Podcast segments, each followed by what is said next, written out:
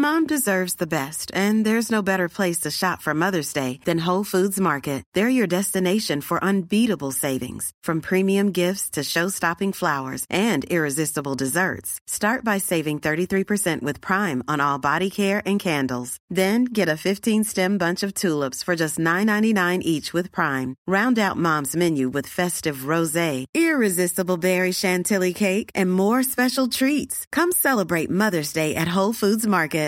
Hey, Dave. Yeah, Randy. Since we founded Bombus, we've always said our socks, underwear, and t shirts are super soft. Any new ideas? Maybe sublimely soft. Or disgustingly cozy. Wait, what? I got it. Bombus. Absurdly comfortable essentials for yourself And for those facing homelessness. because one purchased equals one donated. Wow, did we just write an ad? Yes. Bombas. Big comfort for everyone. Go to bombas.com slash ACAST and use code ACAST for 20% off your first purchase. Planning for your next trip? Elevate your travel style with Quince. Quince has all the jet setting essentials you'll want for your next getaway, like European linen, premium luggage options, buttery soft Italian leather bags, and so much more. And it's all priced at 50 to 80% less than similar brands. Plus, Quince only works with factories that use safe and ethical manufacturing practices. Pack your bags with high-quality essentials you'll be wearing for vacations to come with Quince. Go to quince.com slash trip for free shipping and 365-day returns. Can't get no sleep.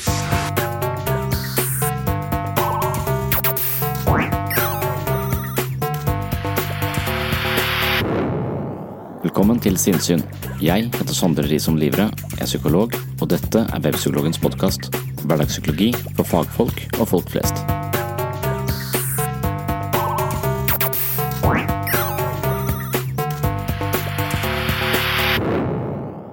I denne episoden skal jeg tilbake til overordna perspektiver på et sunt liv. Hva vil det si å leve godt, meningsfullt og sunt? Tusenvis av eksperter har et arsenal av råd som skal hjelpe deg til det gode liv. Det er omtrent umulig å lytte til alle sammen. Hvis vi skal følge alle råd, får vi simpelthen ikke tid til å leve.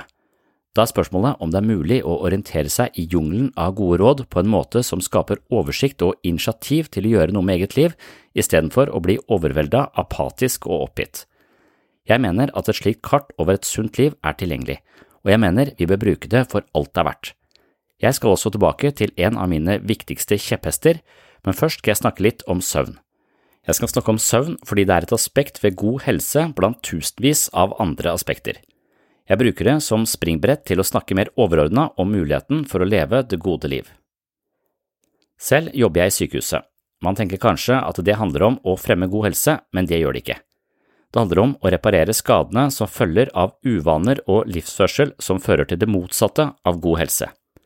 Vi bruker ikke tiden på å fremme sunnhet, men på å reparere skadene som allerede har oppstått på grunn av usunn livsførsel. Dette prosjektet koster milliarder av kroner hvert år. Hvordan ville det vært om vi brukte litt mer av denne potten på å fremme god helse, istedenfor å vente på at folk lever usunt så lenge at de blir skikkelig syke og trenger akutt medisinsk hjelp? Mitt spede forsøk på å bidra til sunnhet ligger i dette kartet over menneskets helse som jeg forsøker å propagere så ofte jeg kan. Velkommen til en ny episode av Sinnssyn. Hver nat ligger næsten hele jordens befolkning sig til at sove. Men hvad sker der i hjernen, når vi falder i søvn? Det er anbefalet, at voksne får mellem 7 til 9 timers søvn hver nat. Vores søvnbehov er styret af kroppens døgnrytme. Når mørket falder på, sendes der signal til hjernen om at udskille hormonen melatonin, der gør os søvnige. Mens vi sover, gennemgår kroppen den samme søvncyklus 4-5 gange.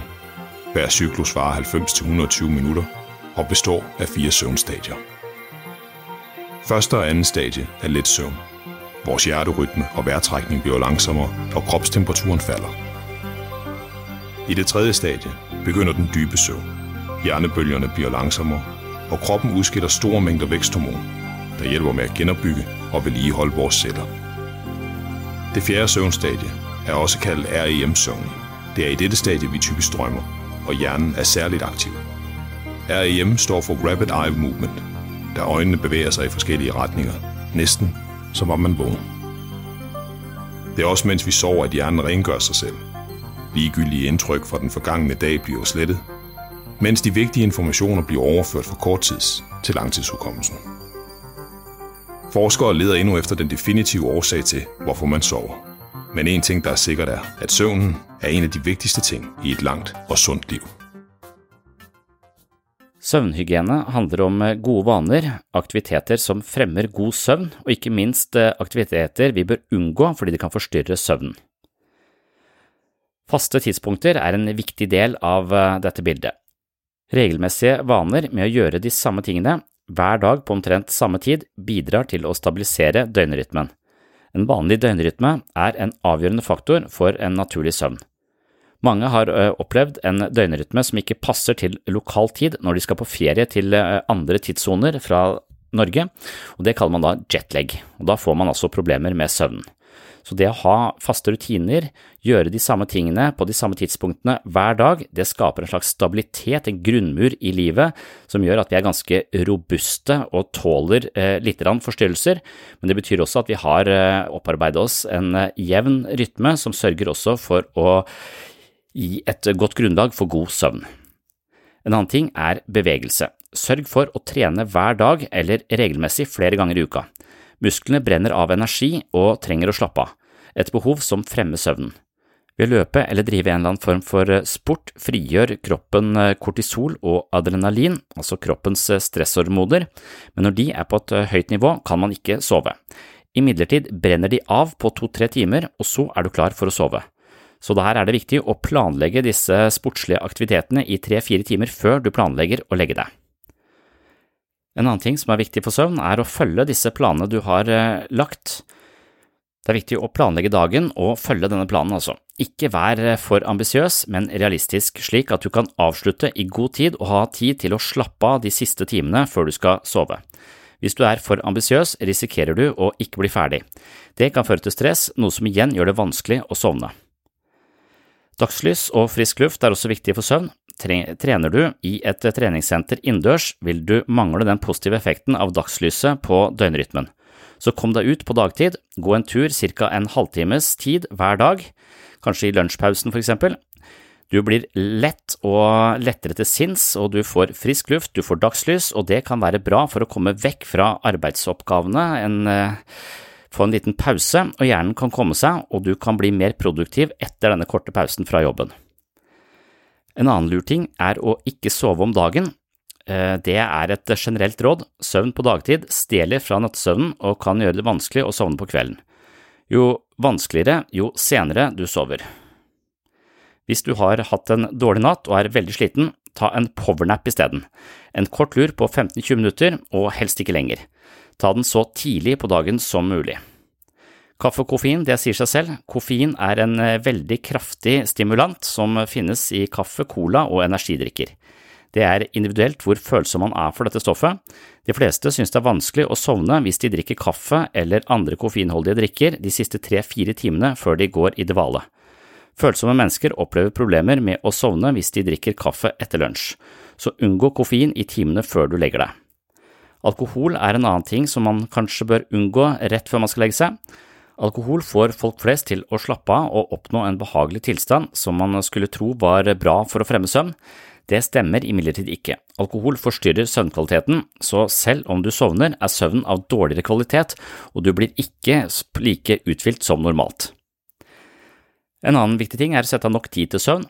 Hvis du har lært at du jobber best etter eh, minst eh, sju og en halv times søvn, kan du enkelt beregne når du skal ligge i sengen og sove. Anta tiden du trenger for å stille alarmklokken til å ringe til sju og en halv time bakover, legg til 30 minutter, da har du tid til å begynne å legge deg. Det viser seg at eh, mennesker kanskje egentlig trenger ni timer, men da han Thomas Edison fant opp lyspæra, så begynte vi å være oppe mye seinere på kvelden, og da sank altså menneskers eh, gjennomsnittlige søvn fra ni timer til nærmere sju timer. Og det har også gått eh, negativt utover helsa vår, men så er det mange andre ting som medisiner, antibiotika osv. som har gitt oss bedre helse, så det er på sett og vis utligna, men hvis vi nå tar tilbake disse ni timene, så er vi jo virkelig potensialet for å være veldig sunne. Det er viktig å slappe av de siste timene før du legger deg. Sørg for at du får planene dine gjort gjennom dagen. Lag planer for i morgen, eventuelt skriv dem ned slik at de kommer ut av hodet uten risiko for å bli glemt. Så slapper du av eh, og har eh, da litt eh, senkede skuldre. Ha det gjerne litt gøy med en partner eller familien din før du legger deg på ettermiddagen. Kom deg ned i fart, altså senk tempo, lukk kontoret og ikke ta, driv og fikle med arbeid og e-poster langt utover ettermiddagen.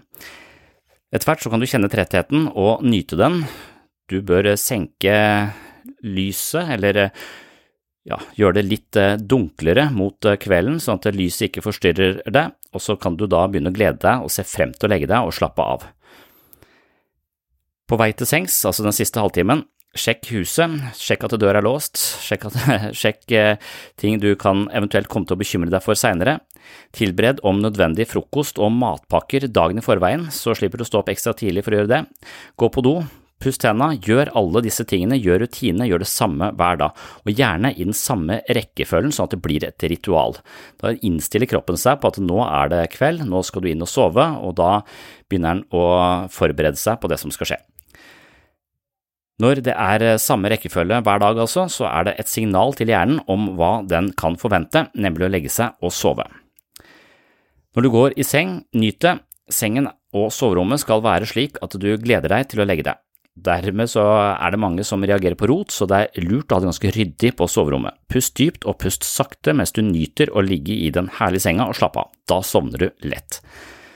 Men det er mange som kan ha problemer med denne prosessen her. Det er 1000 milliarder råd om hvordan du kan få sove, for mange sliter med insomnia.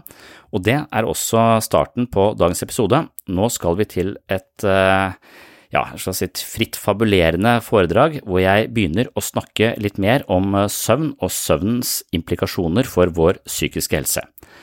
Takk for at du hører på Sinnssyn. Hvis du vil ha mer sinnssyn, så veit du hva du gjør. Da går du til patron.com for segs sinnssyn.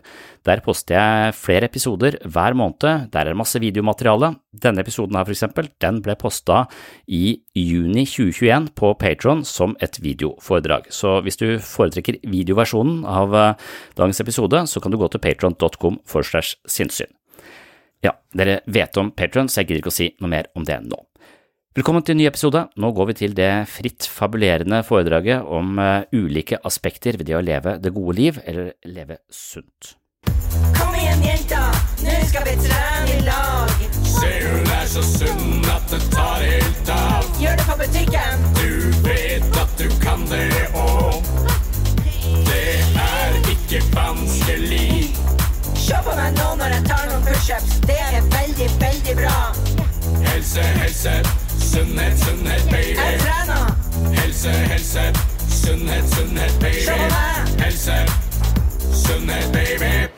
Da var temaet ulike innfallsvinkler til eh, psykisk helse. Det er et tema jeg har hatt mange ganger eh, før. Jeg vet ikke om vi har hatt det, hvor mange av dere som har vært med på det. Jeg syns på mange måter det er et av de viktigste temaene, at det kan sette i gang en slags kreativitet med hensyn til hvordan man kan endre seg. Og det var noe som gikk opp for meg når, vi, når jeg leste psykologi, så kom det på et veldig sent semester, dette med vitenskapsteori, og så syntes jeg det var utrolig viktig. Det hørtes, hørtes så kjedelig ut med vitenskapsteori, men det viste seg å være det viktigste faget jeg hadde, nesten sagt, på hele, hele studiet. Og jeg har tatt med meg det kartet videre, at jeg alltid tenker sånn om, eh, sånn om psykisk helse. Og det tenker jeg gjør meg mer tverrfaglig enn eh, enn andre også, i tillegg til at jeg jobber så tverrfaglig med andre yrkesgrupper. Men det å tenke at det finnes en eh, biologisk kropp og en psykologisk kropp og en relasjonell kropp og en institusjonalisert kropp, eller at det fins et eh, objektivt et subjektivt et intersubjektivt og et interobjektivt perspektiv, som er disse kvadrantene, som egentlig ikke er det, det Når du setter sånne eh, akademiske ord på det, så blir det litt gresk, men det handler jo bare om at eh, psykisk helse er sammensatt av både fysikken vår og psyken vår, måten vi tenker på, men også relasjonene våre, og ikke minst hva slags system vi bor i, hva slags eh, kulturelle artefakter og duppedingser vi omgir oss med, osv. Så, videre. så alle disse tingene spiller inn på helsa vår. Og det er, det er, det er hundrevis av ting som spiller inn på hvordan vi har det. Og dermed så vil det å bare investere på ett sted virke nesten meningsløst med hensyn til de fleste psykiske plager, sånn jeg ser det. Hvis du bare tror at du skal endre operativsystemet oppi hodet ditt fordi du tenker så negativt om deg selv, og at det skal eh, forandre hele livet ditt, så kan det forandre litt, men du må nok også justere i veldig mange andre kvadranter, eller, eller være oppmerksom på alle de andre aspektene som også påvirker eh, helsa di. Og det kan virke litt sånn overveldende, men det kan også inspirere til å finne nye veier og få det bedre på. For, fordi at man, man, må jo først tenke at jeg, jeg kan ikke gjøre alt, jeg må bare finne hvilke områder har jeg lyst til å investere i. Og så Hvis man begynner da i disse kvadrantene, øverst til høyre, som jeg har ikke denne plansjen her, da, men, men, la oss si den biologiske kvadranten Det er mange som, som, ser på psykisk helse utelukkende i den biologiske kvadranten, og da pleier jeg å anklage de for å være i garasjen. Det handler bare om justering av eh, medisiner, nok søvn, kosthold, rutiner, døgnrytme. Og det spiller en kjempeviktig rolle. Men det er, eh, men det er også et, eh, et, biologisk innfallsvinkel til, eh, til, psykisk helse. Og hvis vi begynner der, så, så, så, er det utrolig masse spennende å hente.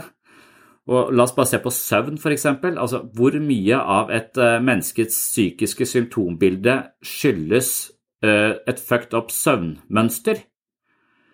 Og det der er jo han der eh, Thomas Edison sin skyld, visstnok. Jeg tror det var Edison som eh, fant opp lyspæra fordi han syntes det var så bortkasta å, sove. Han kunne jo være å utforske og, og, finne opp nye ting, som den eh, kreative sjelen han er. Så syntes han det var bortkasta å sove. Så fant han til slutt opp lyspæra, så han kunne være oppe på natta. Og Det starta altså en slags trend hvor vi alle begynte å være oppe på natta fordi vi, ikke, fordi vi hadde lys. Og, det, og etter det så har eh, folk eh, blitt tiltagende søvndeprivert. Det var han som starta hele, hele, greia. Så med en gang vi fikk lys, så har vi begynt å fucke med vårt eget eh, ja, vår egen indre klokke og regulering av, av, søvn. Og det har bare blitt verre og verre med, med sånne skjermer og alt mulig, mulig sånt. Så, så, søvn er jo det er sånn, Hvis du ikke sover på natt, så er du like farlig i trafikken som en som har eh, 0,7 i promille. Altså, du, det, du er eh, Det er ikke forbudt å kjøre søvnig, men du er eh, like livsfarlig som, som mange andre ting. Og, og når vi sover for lite over lengre tid, så vil også blodtrykket vårt, spesielt blodtrykket, øke, så vi, sånn at vi Sjansen for å få hjerte- og karsykdommer med lite søvn, den fordobler seg. Og hvis du får altfor lite søvn over lang tid, så er den sånn 500 ganger så, så stor. Så søvn er nok eh, helt, helt eh, avgjørende for, eh, for en rekke faktorer, også depresjon.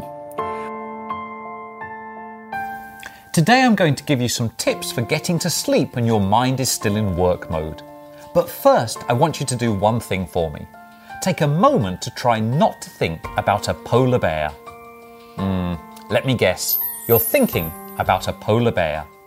The effect you're experiencing right now is part of a technique that you can use to sleep better. The idea started with an offhand comment from a famous Russian novelist. In the mid 1860s, Dostoevsky wrote, Try to pose for yourself this task, not to think of a polar bear, and you will see that cursed thing will come to mind every minute. A hundred years later, Harvard psychologist Daniel Wegner staged a simple experiment to test Dostoevsky's observations. Wegner had volunteers sit alone in a room and asked them not to think about a polar bear. They had a bell to ring every time they did. The theory was right. Trying not to think about certain things causes you to think the thoughts you're trying to avoid. The same type of reverse psychology works in many different contexts, with warriors, dieters, and smokers.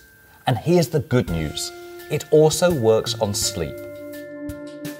Several studies have shown that when people are asked to do their best to think about staying awake, they usually fall asleep within 10 minutes. Trying to stay awake is mentally tiring and it distracts people from their more anxious thoughts.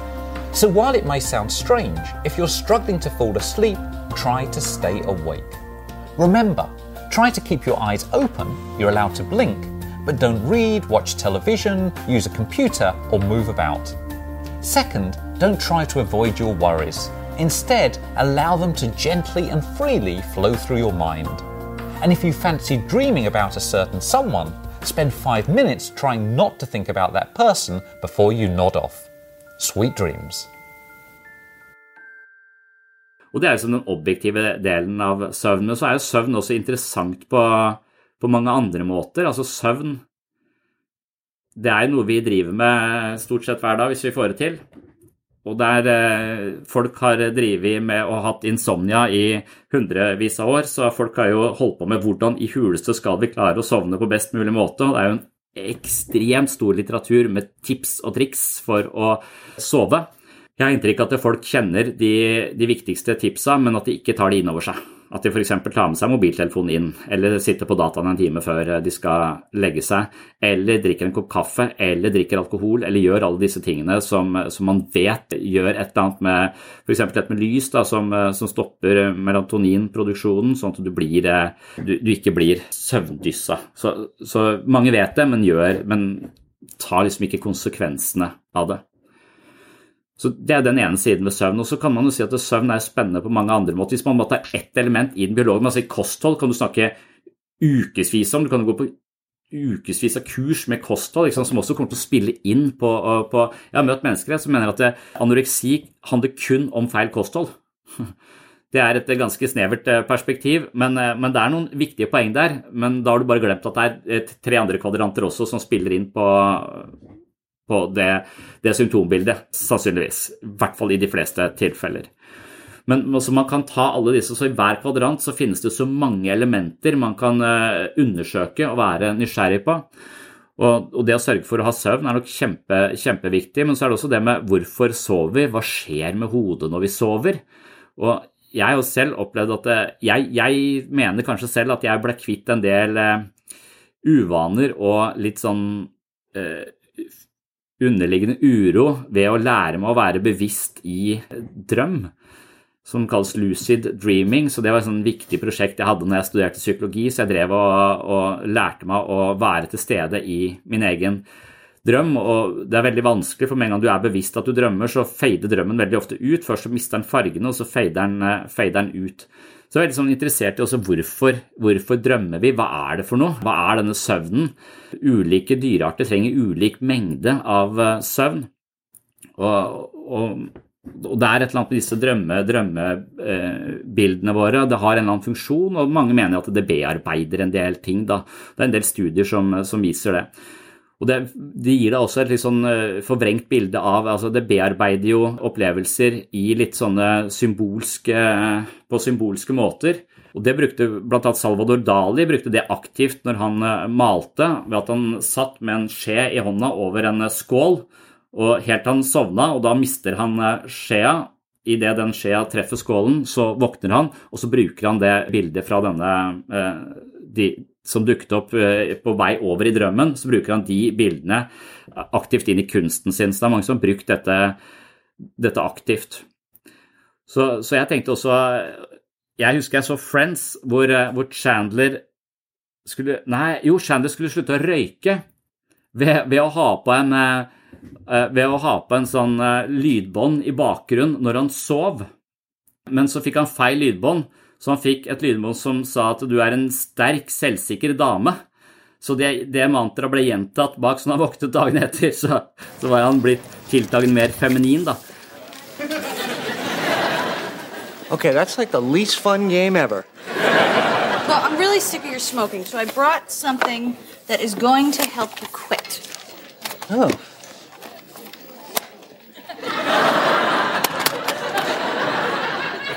Nope, that patch is no good. Come on, it's a hypnosis tape. This woman at work used it for two weeks straight, and she hasn't smoked since. You are falling fast asleep. Deeper, deeper, deeper. You are now completely asleep. You don't need to smoke. Cigarettes don't control you. You are a strong, confident woman who does not need to smoke. A strong, confident woman. You know, I forgot the combination of this about a year ago. I just carry it around. any chapstick? Uh, yeah. Hey, how are those tapes working out for you? You know what? Pretty good. Yeah? Good. I haven't smoked yet today. I feel great and, and, and confident. That is a stunning blouse. Men, men, det er også studier som viser at man, man, kan altså Munker brukte dette aktivt på å lære seg ulike tekster ved å spille det i bakgrunn når de sov. Eh, og Det er gjort noen konkrete studier på det også, bl.a. med gutter som biter negler. På sånne, på sånne eh, leirskoler så, så testet de dette ut ved å lage grupper, altså Alle guttene som beit negler, de ble plassert i to grupper. og Den ene gruppa fikk da gjennom hele sommeren lydspor i bakgrunnen når de, når de sov. Hvor, et lydspor som sa at neglene dine smaker surt, eller et eller annet sånt noe. Og 40% av de som hadde lydsporet i bakgrunnen, de slutta å bite negler i løpet av den sommeren. Mens de som var i kontrollgruppa, da, som uh, ikke fikk noe lydspor, de fortsatte å bite negler. Så det virker som man kan intervenere også i, i, i søvnen, i drømmen. Noe som er litt sånn interessant. Det er, det er, så mange muligheter da, til å skape endringer hvis du er nysgjerrig på det og ønsker det. Så det syns jeg er en, en, litt gøy tanke. Jeg har ikke noe lydbånd, um, lydbånd, selv, for jeg vet ikke helt hva slags atferd jeg ønsker å endre, men, men det er også vist uh, hos fanger i uh, et fengsel i, i, USA hvor man uh, satte høyttaler under senga deres og, og prøvde å, å få dem til å slutte å ruse seg. Og der har det også omtrent 40 som, som de, de så helt markant atferdsendring hos når de slapp ut av fengselet med hensyn til rus. Da. Så det kan være det, det spiller, en, spiller, en, rolle. Og så er det dette med å, å drømme og være bevisst drømmende. For det, de, de, fleste drømmer nok, men det er kanskje litt forskjellig hvor mye vi drømmer. Det vet jeg ikke helt, men, men drømmer har også en veldig sånn interessant effekt. Det, det spiller en rolle. Blant annet så, så ble det forsket på kvinner som hadde vært eh, i et samlivsbrudd eller blitt, eh, gått gjennom en skilsmisse. Og noen av de hadde ganske kraftige mareritt i etterkant av denne skilsmissen, mens eh, mange hadde ingenting, de husket ingenting fra drømmene sine. Når man tester de gruppene litt lenger fram i tid, et år fram i tid, så viser det seg at den, altså dette er kvinner som hadde en aktiv depresjon etter en skilsmisse. Det er gruppa. Og så ser man på de som da har drømt, og de som ikke rapporterer å drømme noe, så er det de som har hatt aktive mareritt, som kommer seg raskere ut av depresjonen og er, har en mye bedre helse ett år fram i tid. Som om denne drømmingen har en eller annen bearbeidende effekt. Så, så, når vi er i endringsprosesser, så vil vi sannsynligvis også måtte bearbeide mer og drømme mer. Og det er jo det som Freud mente var kongeveien til det ubevisste, at det er en kilde til veldig masse potensiell innsikt og vekst. Det er derfor man også, det å gjenfortelle marerittene eller gå inn i marerittene Marerittet er en bearbeiding av et eller annet. Så hvis du kan forstå det og gjøre det også aktivt i våken tilstand, så vil du booste den prosessen som skjer av seg sjøl når, når, du sover. Det er mange som har sagt at, eller i hvert fall eh, han, noen av disse hotshotene innenfor gruppeterapi har sagt at gruppeterapi uten drømmer er som lunken champagne. Og vi har jo likevel ikke så, så, sterkt fokus på hva folk drømmer, men veldig ofte så drømmer jo folk noe som er relatert til gruppeterapi når de er i en aktiv gruppeterapeutisk prosess, fordi det opptar ganske stor plass i livet til, til mange folk når de jobber med seg selv på den måten der. sånn. Så det å ha det litt framme og være litt oppmerksom eh, på det, tenker jeg også er kjempe, kjempeviktig. Det er så mange ting som er viktig, så vi må kanskje bestemme oss litt for eh, hvor er det jeg skal eh, undersøke mine muligheter, hvor er det jeg skal investere. Og vi kan jo ikke investere overalt, så vi kan kanskje ta litt, litt av gangen, men det viktigste er at vi investerer et eller annet sted. da. Og jeg mener selv at drømming var noe av det som, eh, som hjalp meg mest i en litt sånn eh, post-ungdomstid, universitetstid, hvor dette med å lære seg å være bevisst i drømmene var sånn Altså, du, får jo en helt egen arena for eksponeringsterapi hvis du, eh, hvis du veit at du drømmer. For hvis du veit at du drømmer, så er uh, all bets off. Du kan gjøre hva du vil. Så istedenfor å bare rømme fra de, det eller de som løper etter deg, for jeg vet ikke hva det er som jager meg, så stopper jeg opp og snur meg. Og så husker jeg faen ikke hva det var. Men, uh, men, et, men, men det, hadde en, det, hadde en, eller annen sånn det også, I drømmen stoppe opp istedenfor å fortsette å være jaga fordi jeg visste at jeg drømte. Det hadde en ganske gjennomgripende effekt i, i lang, tid, eh, lang, tid, etterpå. Da er vi over i denne garasjeavdelingen, den biologiske delen eh, av oss. Hjernen driver og bearbeider eh, ting der noen produserer mye melatonin, andre ikke. Vi legger oss altfor seint, vi får altfor lite søvn. Det påvirker helsa vår. Sjansen for å få diabetes fordobles. Når vi får diabetes, vi mye annet å tenke på. Så, så, så da Kosthold, medisiner, mosjon, trening, alt det som er oppi denne objektive biologiske kvadranten, bør vi ha et eller annet sånn bevisst forhold til, i hvert fall. For det verste som skjer, altså det, det, som, det som setter oss virkelig fast i psykisk lidelse, er jo at vi ikke intervenerer på noen områder. At dagene kommer og dagene går, og ikke visste jeg at dette her var uke 19 som eh, Anders Giæver sier i alle podkastene han starter hos VG. Sånn at eh, man har slags, eh, altså at man legger en plan innenfor. Og jeg tror det er litt sånn at hvis du begynner f.eks. å si at jeg skal prioritere å sove bedre, så jeg skal slutte å drikke rødvin hver kveld, skal jeg legge meg en time tidligere, og så skal jeg slutt, skru av mobilen klokka ni. Hvis du, hvis du gjør en sånn ting, så, så, vil det kanskje ikke ha noen effekt på en uke eller to uker eller tre uker, men livet ditt fram i tid kontra å sovne klokka tolv, halv ett og stå opp klokka sju og få syv timers søvn maks, når vi kanskje trenger, trenger ni, det vil ha en gjennomgripende effekt på helsa di tre måneder fram i tid. Så alle sånne små justeringer vi forplikter oss til og gjør til et eh, bevisst prosjekt, det tror jeg kan være med på å skape ganske store endringer litt lenger ned i, i veien. Det er bare den ene kvadranten, den biologiske kvadranten. Så er det den psykologiske kvadranten. Denne, vi har en hjerne som veier så og så mye, den trenger søvn, den trenger kost, alt det der. Og så har vi da et operativsystem installert i den hjernen som er måten vi tenker på, som er den psykologiske komponenten i det. Og den psykologiske komponenten, måten vi tenker på, det er også noe som aktiverer følelsene våre, enten i positiv eller i negativ forstand. Så det er jo psykologiens, eller psykoterapiens område, det å prøve å justere litt på vår oppfattelse av både verden og oss selv, det kan gjøre også ganske mye for den eh, helhetlige helsa vår. Det å få kontroll på alle disse tankene. De sier at eh, vi i gjennomsnitt har 50 000 tanker gjennom huet vårt i løpet av en dag. Vi får ikke med oss alle de, men det er eh, ganske kaotisk hos mange. Og det å rydde huset gir en viss effekt, men det å rydde på innsiden er også ganske avgjørende for å, for å ikke ha total kaos av uh, tanker som, uh, som bare flyr gjennom og skaper uh, en eller annen sånn form for, selv om vi ikke merker det, et stressnivå, et, et forhøya stressnivå, forhøya kortisolnivå, som gjør at vi også går ned med flagget uten at vi egentlig fikk det med oss. Og da er kanskje den mest effektive måten å gjøre det på, er jo meditasjon. Så har du jo den mer eksistensielle delen, kanskje. Dette med å være i kontakt med et annet menneske, å være i kontakt med en gruppe, føle tilhørighet, skape mening, som er denne intersubjektive kvadranten, som er det mellommenneskelige. Du har den objektive, den subjektive. Den objektive, meg og min fysikk og hjernen min. Den subjektive, meg og min opplevelse av å være meg. Som er influert av meg og mine relasjoner til mine eh, nærmeste. Og Der har vi også visse mønster vi typisk går inn i, om vi klamrer oss til andre, eller om vi holder andre på en armlengdes avstand for å slippe å bli såra igjen. Og når vi holder alle på en viss avstand, så klarer vi ikke å få inn nok mening inn i livet vårt, for det er noe som produseres i fellesskap osv.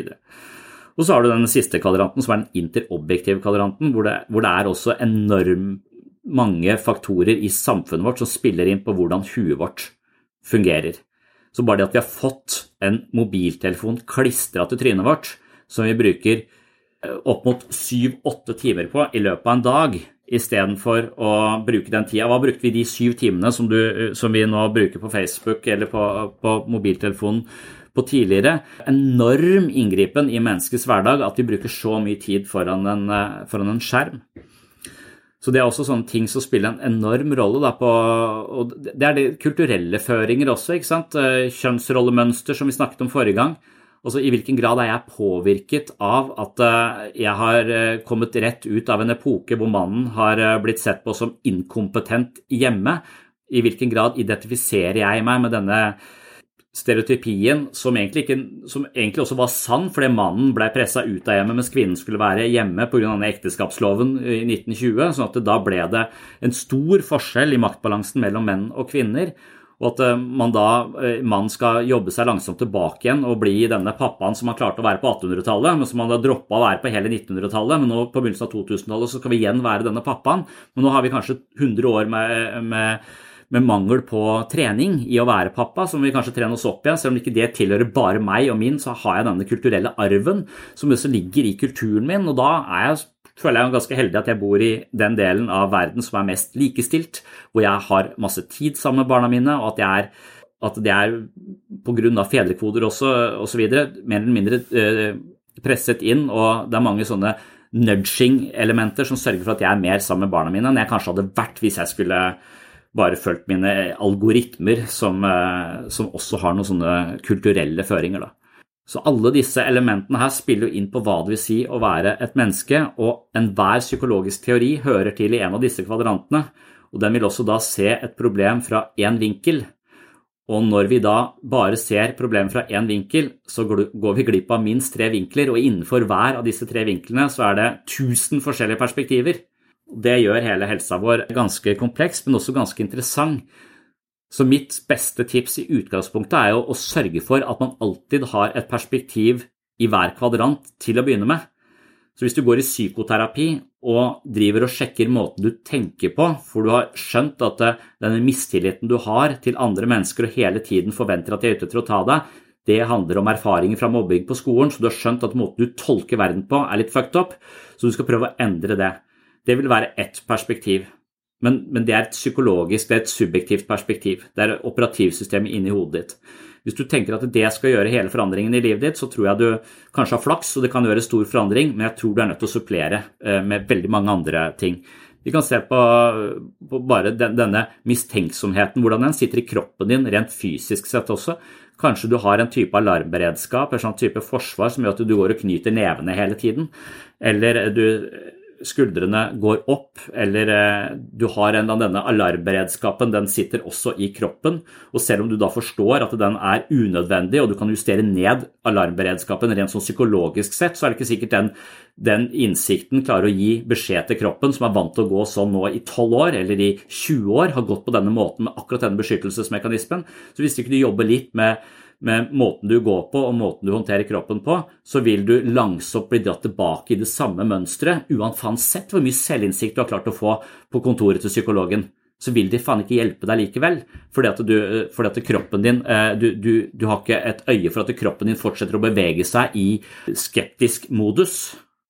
Hvis det finnes noe som heter skeptisk modus i bevegelsen. Så du, jeg tror uansett at du i hvert fall i utgangspunktet vil vite at du har en kropp, du har en syke, og det å være menneske det handler om å ha relasjoner. Er, så, så, det må du også fokusere på. Og du må også ha et blikk på hvordan lever jeg? Hvordan er eh, samfunnet mitt innreda? Hvorfor er det alltid sjokolade rett ved kassa når jeg skal handle klokka halv fire? Jo, det er for å lure meg til å få diabetes. De tjener penger på den sjokoladen, den er plassert rett foran kassa. De vet at jeg er på lavt blodsukker, høyt energinivå, jeg er ganske stressa, nesten ikke blodsukker, jeg tar raske karbohydrater, jeg betaler greit sikkert dobbel pris, jeg ser ikke hva de koster, de som ligger rett foran kassa der. Så bare tar jeg en på, på båndet.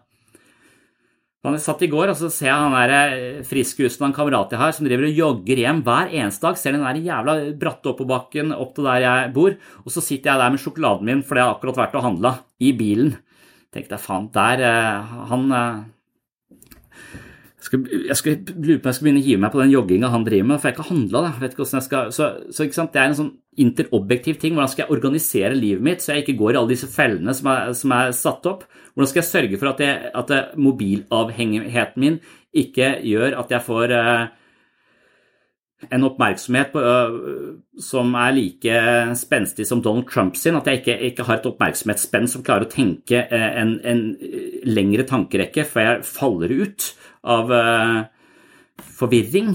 For jeg er så vant til raske overskrifter og en voldsom stimuli av informasjon uten at jeg egentlig kan dybde inn noe som helst. Altså, det er, det er, det er og, og, i et sånt perspektiv så tenker jeg ja, men jeg vet ikke hva jeg skal gjøre for å komme meg ut av depresjonen. Jeg har prøvd alt. Har du prøvd alt? Det er tusen ting inni hver kvadrant. Hvor mange ting har du egentlig tenkt på i forhold til å forandre situasjonen din? Du har et hav av muligheter. Det er helt ubegrensa mange muligheter på å, å, få et bedre liv. Men det nytter ikke å gjøre det bare én gang. Du må investere noen måneders tid og prøve å gjøre det til en eller annen, en eller annen rutine. Så noen tenker det er bad news at det er så jævlig mange ting vi kan gjøre, mens eh, andre tenker at det er good news. Da har jeg jo et uh, vell av muligheter, nesten uansett hva slags situasjon jeg er i. Ja, jeg tror jeg ville liksom lagt stein for stein, tatt én ting av gangen. Altså, hvor stor forskjell hadde det vært på mitt liv hvis jeg ikke lada mobilen ved siden av senga? Hvor, hvis jeg virkelig hadde gått inn for å skru av mobilen klokka ni, når jeg vet at jeg er søvndeprivert, jeg får for lite søvn, og jeg ser på mobilen rett før jeg legger meg Altså, hvis, hvis jeg hadde gjort det, hvis jeg bare hadde bestemt meg for å gjøre det Og det, det er, det én ting å gjøre. Hvis jeg hadde gjort det i tre måneder, hadde livet mitt sett annerledes ut? Kontra å ha den på siden? Kanskje ikke. Kanskje ikke min hjerne bryr seg om dette ultrafiolette lyset som stopper produksjonen av melatonin, eh, sånn at jeg bruker halvannen time eh, hvor jeg ligger der og stirrer i taket. Eller kanskje hjernen min er helt lik de fleste hjerner, at jeg blir påvirka av lys på denne måten her, sånn, sånn at det fucker opp eh, den indre klokka, sånn at jeg får altfor lite søvn. Kan hende. Da ville livet mitt sett ganske annerledes ut om tre måneder. Det er én liten ting. Mom deserves the best, and there's no better place to shop for Mother's Day than Whole Foods Market. They're your destination for unbeatable savings, from premium gifts to show-stopping flowers and irresistible desserts. Start by saving 33% with Prime on all body care and candles. Then get a 15-stem bunch of tulips for just $9.99 each with Prime. Round out Mom's menu with festive rosé, irresistible berry chantilly cake, and more special treats. Come celebrate Mother's Day at Whole Foods Market. Here's a cool fact a crocodile can't stick out its tongue. Another cool fact you can get short term health insurance for a month or just under a year in some states. United Healthcare short term insurance plans are designed for people who are between jobs, coming off their parents' plan, or turning a side hustle into a full time gig. Underwritten by Golden Rule Insurance Company, they offer flexible, budget friendly coverage with access to a nationwide network of doctors and hospitals. Get more cool facts about United Healthcare short term plans at uh1.com. Wow! Nice! Yeah! What you're hearing are the sounds of people everywhere putting on Bombas socks, underwear, and t shirts made from absurdly soft materials that feel like plush clouds. Yeah, that plush. And the best part, for every item you purchase, Bombas donates another to someone facing homelessness. Bombas. Big comfort for everyone. Go to bombas.com slash ACAST and use code ACAST for 20% off your first purchase. That's bombas.com slash ACAST. Code ACAST. Men hvis du skal gjøre alt på en gang, så tror jeg bare du gjør Da tror jeg jeg hadde lagt telefonen utenfor Kanskje jeg hadde lagt den på kjøkkenet to kvelder, og så hadde jeg glemt den tredje kvelden, for da jeg hadde begynt på jogging isteden.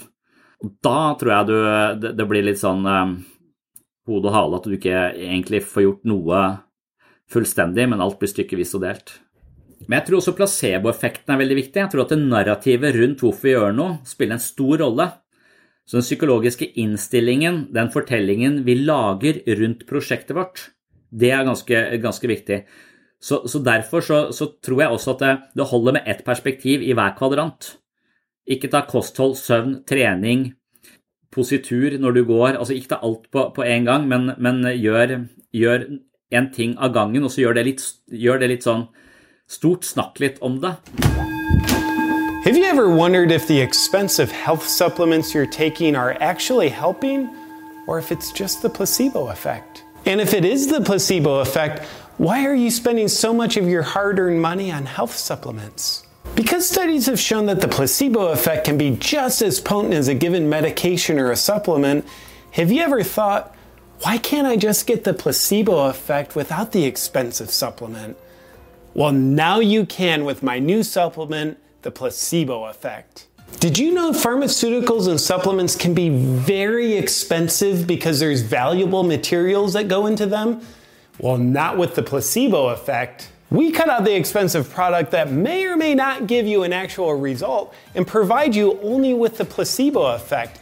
Your cost goes down dramatically and your results statistically stay the same. Why would you spend a lot more money on a product that probably does a lot less? Instead, we just want to give you the placebo effect because we know it works.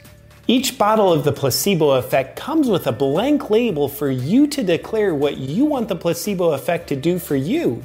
Need to get rid of back pain? Shed body fat? Increase muscle? Erectile dysfunction? Well, no problem. If you can spell it, then the placebo effect can help you achieve it. It's like eating an edible vision board, it's so powerful.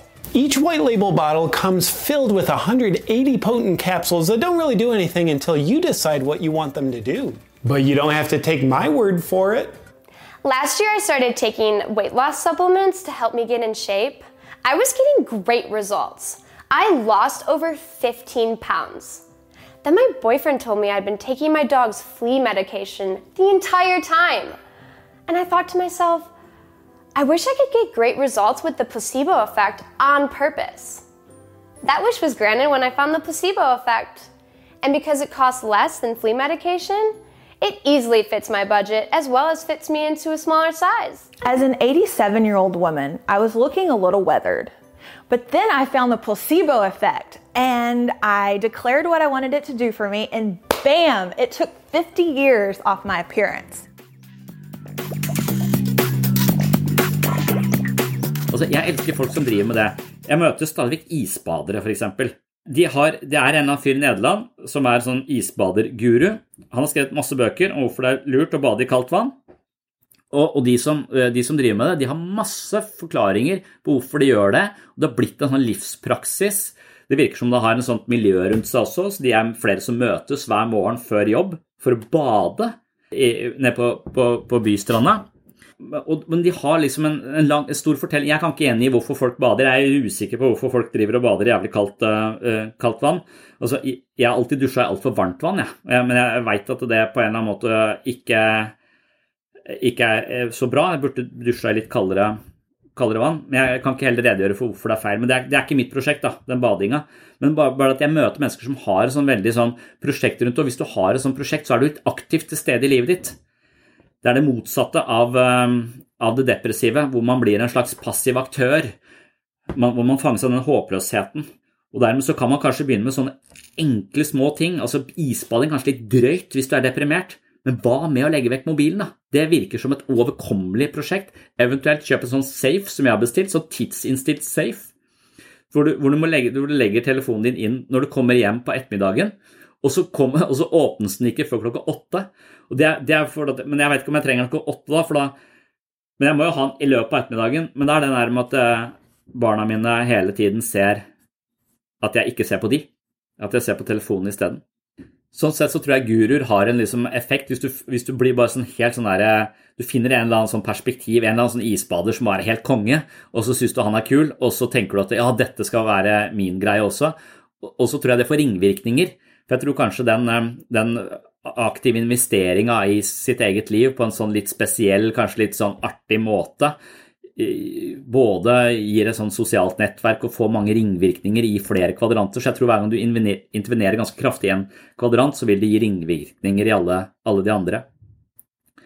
Og det er klart at Hvis du f.eks. ikke har penger, så gir jo det ringvirkninger i alle kvadrantene. Hvis du ikke har penger, som er den interobjektive kvadranten, du har ikke noen inntekt, eller inntekten din er styrt av Nav, som har somla med utbetalingene, for det er kommet en eller annen reform ingen forstår, så er du ganske fucked. ikke sant? Det vil gjøre noe med opplevelsen av å være deg. Det vil også gjøre noe med sosiale livet ditt, for du har ikke råd til å invitere noen hjem eller, eller gå ut og spise med dem. Uh, og, og, og, du vil også kanskje spise dårligere, noe som vil påvirke den biologiske delen av det. Så, så enhver en skavank i enhver kvadrant vil også ha ringvirkninger ut i de andre, så alt dette henger sammen. Og Da er det kanskje viktig, istedenfor å gi folk en diagnose i ICD-10, gi de en diagnose i forhold til hvor i, i hvilken kvadrant er det skoen trykker aller mest hos deg? Er det det at du ikke har noe sted å bo som, eh, som eh, vi burde intervenere på først? Vil det gi den største helsegevinsten her og nå? Og jeg tror at vi stort sett bare driver med samtaleterapi, da. Og så kan det være folk ikke sover i det hele tatt. Så du kan holde på med samtaleterapi i årevis, men så lenge de ikke klarer å gjenvinne søvn, så, så, er det en så stor faktor i en annen kvadrant som trekker ned all den, det arbeidet du gjør i, i, i, på de andre områdene. Men kvadranter er bare ja, men det, dette, er, dette, er, bare en slags uh, måte å snakke om uh, om uh, vitenskapsteori. Altså det, er, det er Habermas som, som har denne Han sier det er en, det er en humanvitenskap som er det subjektive, så er det en, eh, en, naturvitenskap som er det objektive, og så er det en samfunnsvitenskap som er det institusjonelle, det sosioøkonomiske, alle de strukturene som også påvirker oss. Det er tre forskjellige vitenskaper med tre helt forskjellige innfallsvinkler til virkeligheten, som også har helt forskjellige sannhetskriterier. Hva som er sant og hva som er valid i disse ulike vitenskapene, er helt, er helt forskjellig. Så Derfor så snakker de litt dårlig sammen også, fordi de har så ulike krav. Men, mens en, en, integrativ modell ville ta inn over seg alle disse elementene. Og psykologi er et integrativt felt. Det må være det. For vi kan ikke spesialisere hvis du, hvis du driver med, med, somatikk, så er det mulig å spesialisere seg i biologidelen i større grad. Men også der tror jeg de neglisjerer den, den subjektive opplevelsen av å ha den sykdommen som også alltid vil spille inn i ethvert sykdomsbilde. Det er noen her som påstår at MS er psykisk. Og så kan det hende at, eh, at, akkurat det med kosthold er såpass komplisert at det er litt umulig å finne den riktige veien. Det er fordi at det kanskje er noen sånne genetiske disposisjoner som gjør at du sånn og sånn og sånn og sånn, og dermed så, så er det vanskelig å finne akkurat den, eh, den, riktige veien der sånn, og det er ganske individuelt. Og så lenge vi ikke har noe sånn genetisk innsikt i oss sjøl, så, så, er vi litt sånn rådville akkurat på det området. Så kanskje det er lettere på litt mer sånn allmenne områder, f.eks. dette med lys og, og mobiltelefon. da. Det, det, virker mer sånn allment at det, ah, det kan de fleste forstå at sannsynligvis er litt sunt å bruke litt mindre tid, tid på. Så kosthold virker på meg som en forholdsvis komplisert del av det som er såpass uh, men, men, det kan godt være at mytologien rundt det også bare har en kjempeeffekt, altså hvis du virkelig tror på det. Da blir det sånn Fedon Lindberg-fyr. da. Og Det er det som er med disse folka, at de, at de påberoper seg liksom en sånn altoverskyggende effekt for alle innenfor ett spesielt sånn, i en sånn kvadrant. Cold showers have long been known to have tons and tons of health benefits. A study published in 2007 found that cold showers can lower levels of depression. There was even speculation that cold showers may be even more effective than antidepressants. Another study in 1993 found that cold showers strengthened your immunity system by increasing the amount of white blood cells in your body. This same study found that men who took cold showers showed an increase in testosterone production.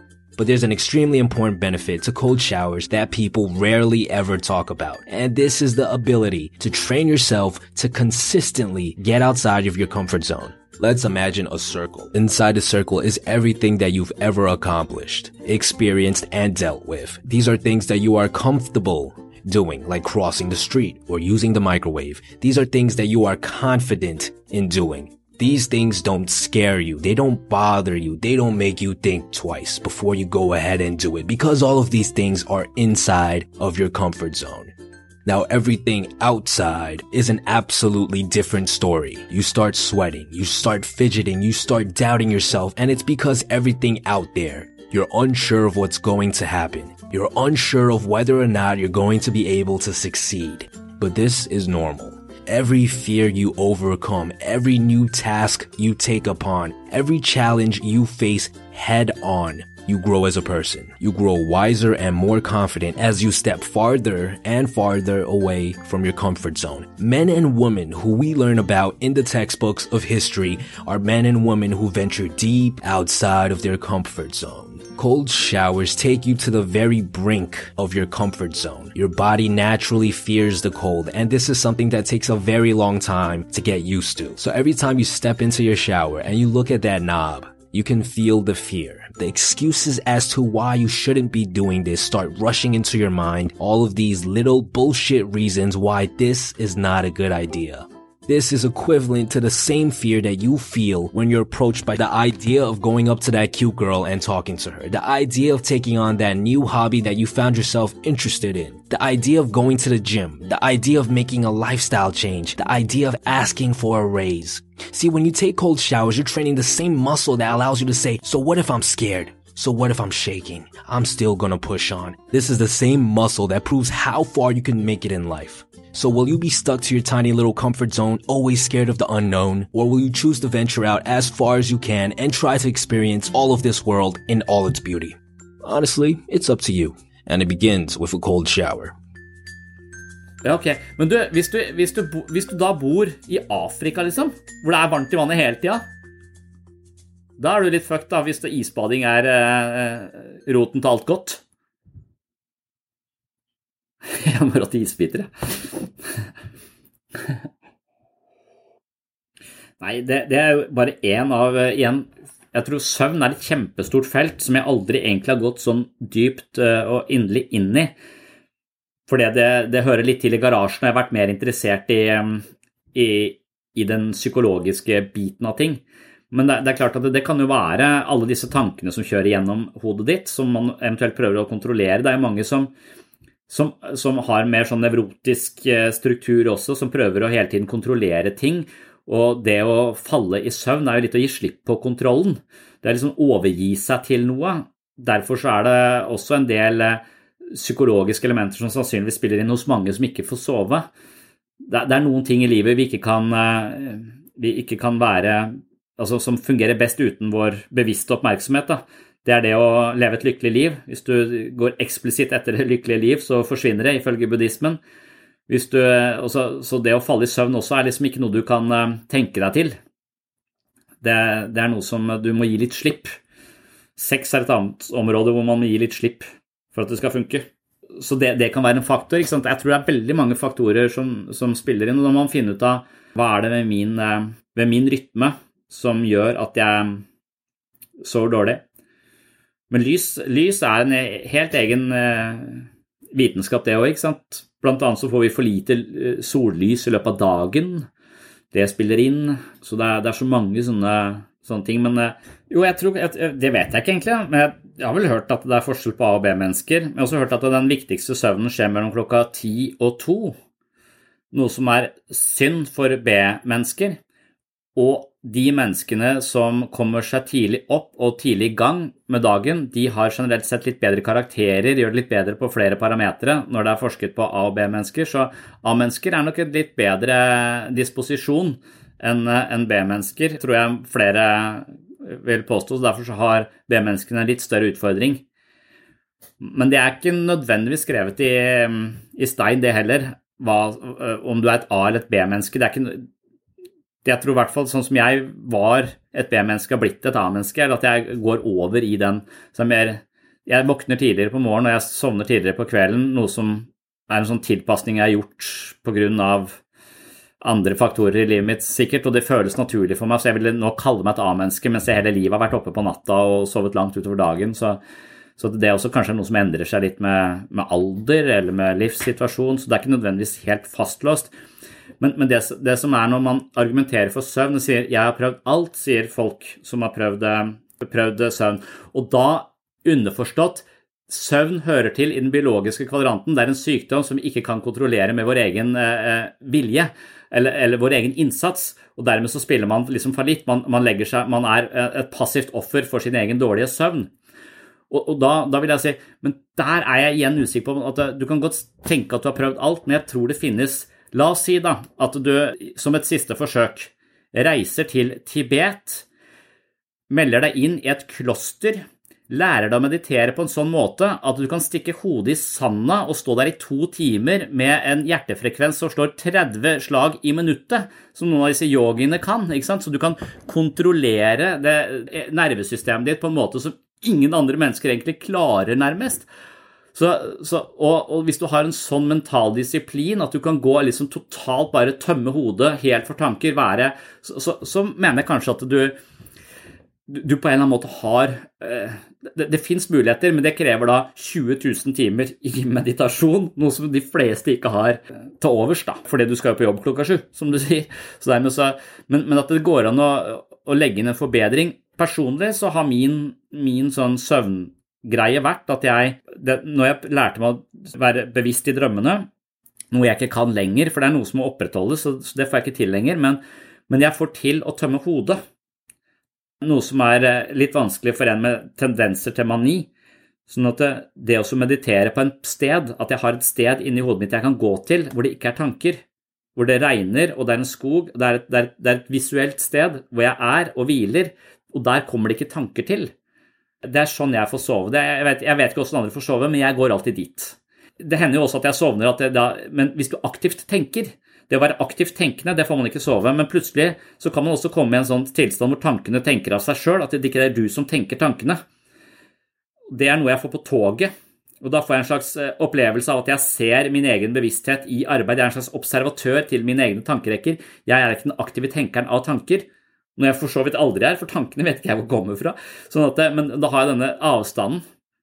Jeg vet ikke, Når, når du har prøvd alt, altså da, hva slags rutine er det ja, men det, det, er interessant det med, med, med, drømmer, og at det er uh, viktig for oss, dette med rem-søvn. En annen sånn studie som jeg leste om akkurat det, er når du, hvis du viser folk en skikkelig sånn ekkel film om en sånn uh, blodig obduksjon av et menneske som er skikkelig sånn der virkelig gross, så, så, utsetter du mennesker for dette, og så vekker du plasserer du to grupper, og så vekker du de fem ganger i løpet av natta. Forskjellen er at du vekker den ene gruppa rett før de begynner å drømme, mens den andre, andre gruppa får lov til å drømme. Og når du viser de da filmen, den samme filmen dagen etter, så vil de som har drømt om det, de vil reagere mye mindre med eh, hva skal man si, eh, denne vemmelsen og denne de, de, vil kunne tåle filmen mye bedre dagen derpå, mens de som ikke har fått lov til å drømme, de tåler den dårligere når de får se den andre gang. Så det, det, viser igjen at drømmer har en veldig sånn uh, stor uh, psykologisk effekt også. Og hvis vi da aldri får sove, ikke sant? eller altså, vi aldri blir frarøva den muligheten til å komme inn og få den hvilen og den bearbeidingen, både den hvilen som kommer etter drømmesøvnen, men også denne opprydninga i drømmen, så er det selvfølgelig helt, eh, helt avgjørende. Jeg leste akkurat en sånn bok om drømmer på sånn type 20 tips for å Nei, nei om, en bok om søvn. 20 tips for å sove, sove godt. Og en av de tipsa var orgasme. Det var sånn åtte forskjellige typer sånne hormoner og sånn som ble utskilt, som var den beste cocktailen å sove på. Vi får legge det til lista over ting man kan gjøre for å få sove.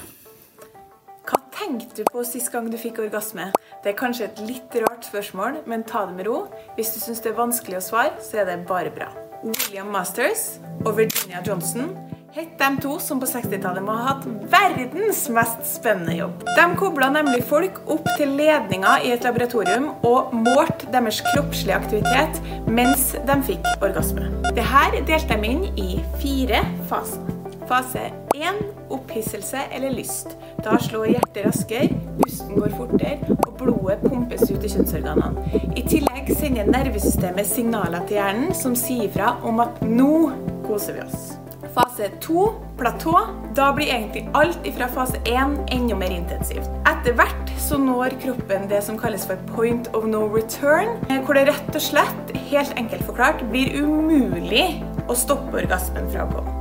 Fase 3 kanskje alles favorittfase, er selve orgasmen. Det er korte muskelsammentrekninger etter hverandre som varer totalt sett i alt fra 3 til 20 sekunder, sånn i snitt. Kvinner har ofte lengre orgasmer og kan også få flere etter hverandre.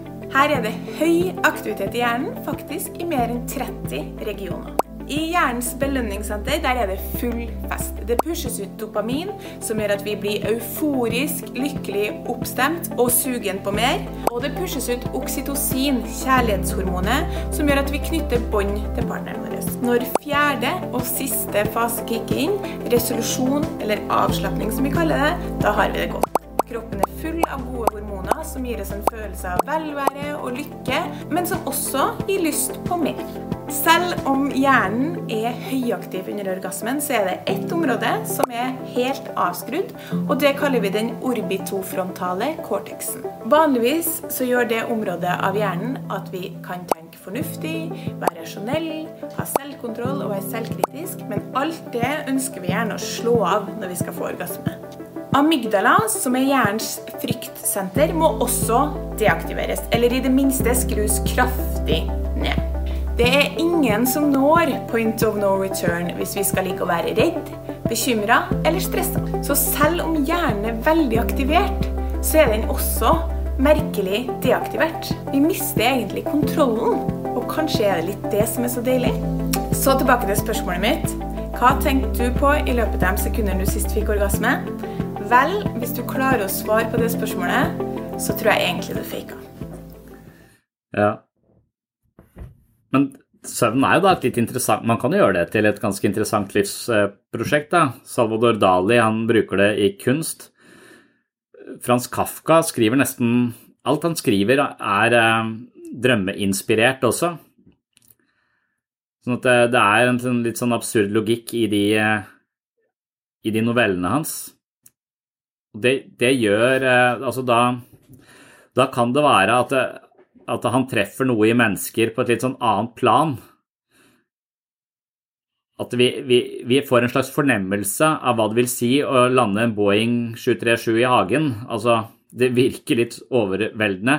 Jeg vet ikke, aner ikke hva det skulle bety for deg i ditt liv eller for meg i, i mitt liv, men den, den samme sånn fornemmelsen når jeg, når, jeg leser Kafka, og, det å føle seg som en bille på ryggen, øh, og det da at noen kaster noe på deg som kommer inn i kroppen din og blir sittende fast inne i kroppen din, som gir meg en sånn enormt guffen uh, følelse.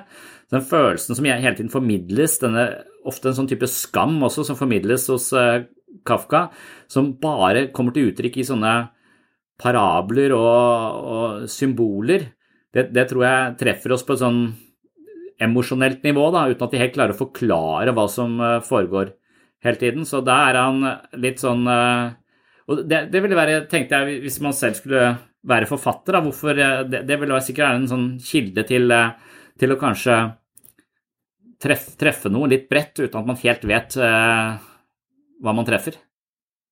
Og Kanskje du lærer mye om deg selv også hvis du, hvis du gjør det til prosjektet ditt. Skrive opp drømmene. Hvis du er så heldig at du husker drømmer fire ganger i løpet av natta, så tenker jeg da er du jo et, du er et slags orakel fullt av eh, absurde opplevelser. Jeg vil si det, for det, jeg, det, jeg syns psykisk, psykisk, helse irriterer meg i den forstand at jeg syns det er snevert innimellom. At man uh, går i samtaleterapi i 20 timer og så har det ingen effekt. Og nei, kanskje det er feil samtaleterapi, kanskje vi må ha kognitiv terapi istedenfor affektbevissthet. Og da, da, forandrer alt seg. Det tror jeg er bullshit. Altså, Du prøver å forstå deg sjøl uansett hvem du snakker på, hvilken måte og hva slags jeg, jeg, tror at du er litt for snever i intervensjonene dine. Du, du, er kun opptatt av uh, den subjektive, ditt indre liv og hvordan det er påvirket av uh, ting du har opplevd. Og så glemmer du å, å dyrke det sosiale, eller være fysisk aktiv, eller sove godt, eller drikke mindre, eller hva nå det skulle være, da, sånn at, det, sånn at vi bør jobbe i flere, i flere, kvadranter samtidig for å få en uh, helhetlig effekt. Og det er jo, Min hypotese er at uh, grunnen til at folk blir så mye rehenvist til psykisk helse, er at de er litt for snevre i, uh, i det tilbudet man får. Og det er derfor vi, når vi fungerer bedre her hos oss når vi ikke har pandemi og sånn, så, så, ønsker vi jo at folk skal være med og trene, skal være ute i skogen, skal gå tur. De skal eh, kanskje bli litt mer kroppsbevisste i en kroppsbevissthetsgruppe som Hilde driver. Og man skal kunne forstå ting. altså I biblioterapi skal kunne snakke om ting, bare være litt mer mentalt fleksibel, se ting fra litt flere sider, forstå seg selv, som er denne psykologiske subjektive eh, kvadranten, men også være delaktig sammen med andre mennesker og føle en slags tilhørighet til noe, som er den intersubjektive kvadranten. Så hvis man kan liksom intervenere litt på alle noen fornuftige praksiser i de ulike kvadrantene, så tenker jeg at man kommer mye lenger enn hvis man bare prøver å forstå seg sjøl og lese selvhjelpsbøker. Man må jo begynne å isbade òg, ikke sant? Hvis du glemmer å isbade, så er du, så er du, så er du ikke kjangs. Ok, isbading og hyperventilering. Det er, eh, hva er det å få ut av den hyperventileringa? Hvorfor, hvorfor, det? Svimler du helt for deg, da? Jeg skjønner litt hva du mener, for når jeg, når jeg snakker med de isbaderfolka selv, så, så han ene sier at han, han gjør det bare for at det, hvis du starter dagen på den måten, så er alt som skjer resten av dagen, det kan ikke bli like ille. Så han setter det i et slags perspektiv. og tenker, ok, Hvis det er det som er Dagen min er ikke så ille fra før, så jeg trenger ikke sånt, eh, en sånn referanseramme som er så uh, gedigen for å føle at jeg har det bra. Men, men det er helt sikkert mange andre ting. Men, men det med Nietzsche og, og, og, det å ha et større spenn og våge livet mer, da. Men er ikke det forbeholdt overmennesket, egentlig? Sånn at det, det å gjøre det prematurt, da tror jeg du risikerer å havne i knestående. Jeg vet, ikke, jeg vet ikke om du allerede da må ha Om, om, om man mener du bare kan bryte ut, om, om, du egentlig er kapabel. Det er litt sånn jeg tenker om sånne psykedeliske stoffer også. Hvis at de plutselig skal gi meg innsikter som huet mitt ikke klarer å bære. Altså, det er akkurat som eh, på helsestudio hvis jeg plutselig skal legge på 200 kg når jeg egentlig løfter 30 i benkpress. Du har kiloene tilgjengelig, men jeg har jo faen ikke musklene til å bære den innsikten.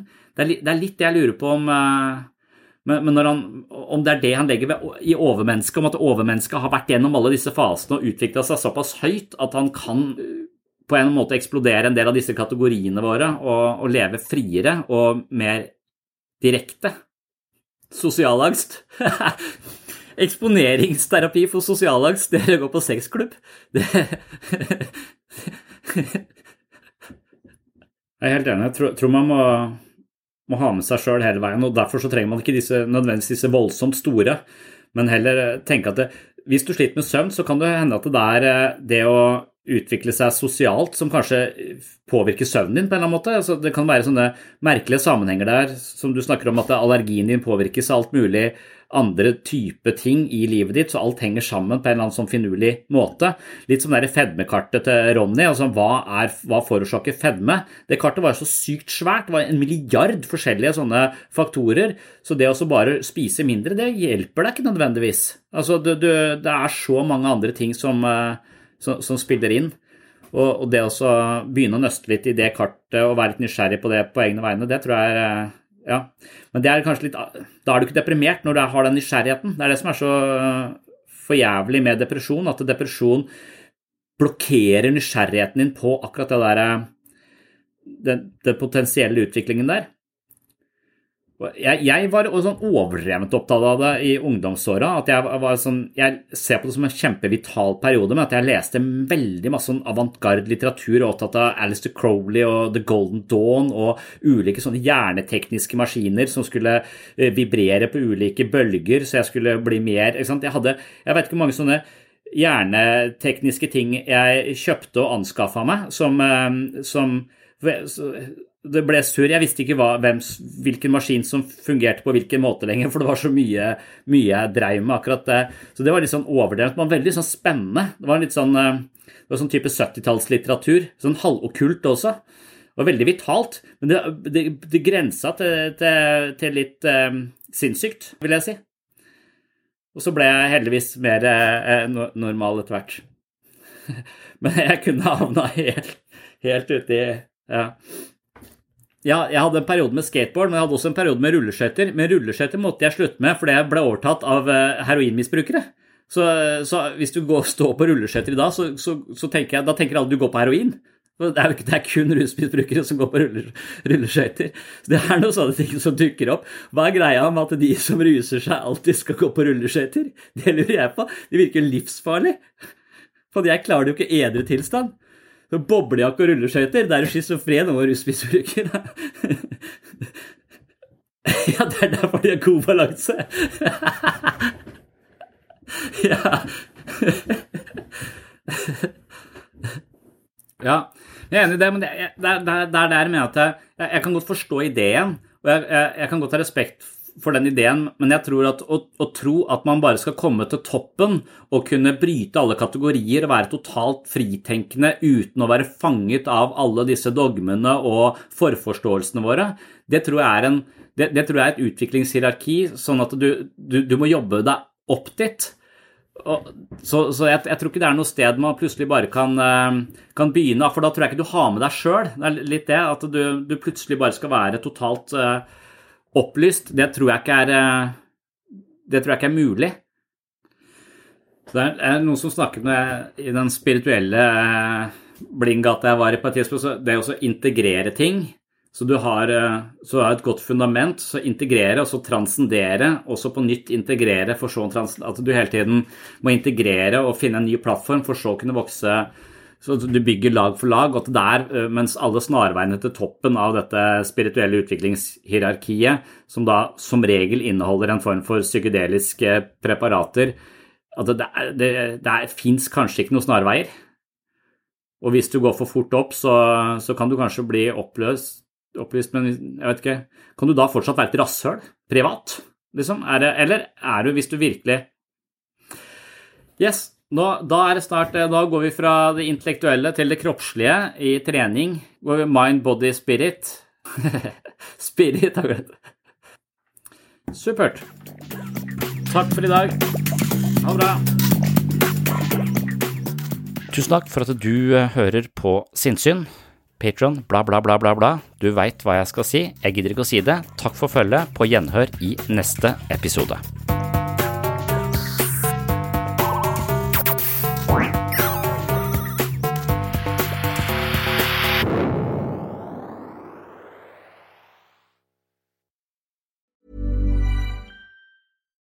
Normally, being a little extra can be a bit much, but when it comes to healthcare, it pays to be extra.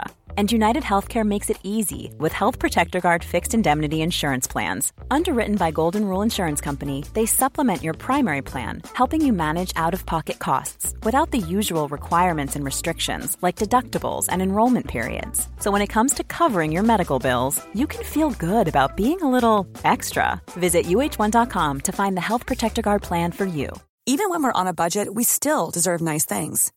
Quince is a place to scoop up stunning high end goods for 50 to 80% less than similar brands. They have buttery soft cashmere sweaters starting at $50, luxurious Italian leather bags, and so much more. Plus, Quince only works with factories that use safe, ethical, and responsible manufacturing. Get the high-end goods you'll love without the high price tag with Quince. Go to quince.com slash style for free shipping and 365-day returns. Even when we're on a budget, we still deserve nice things. Quince is a place to scoop up stunning high-end goods for 50 to 80% less than similar brands. They have buttery soft cashmere sweaters starting at $50, luxurious Italian leather bags, and so much more.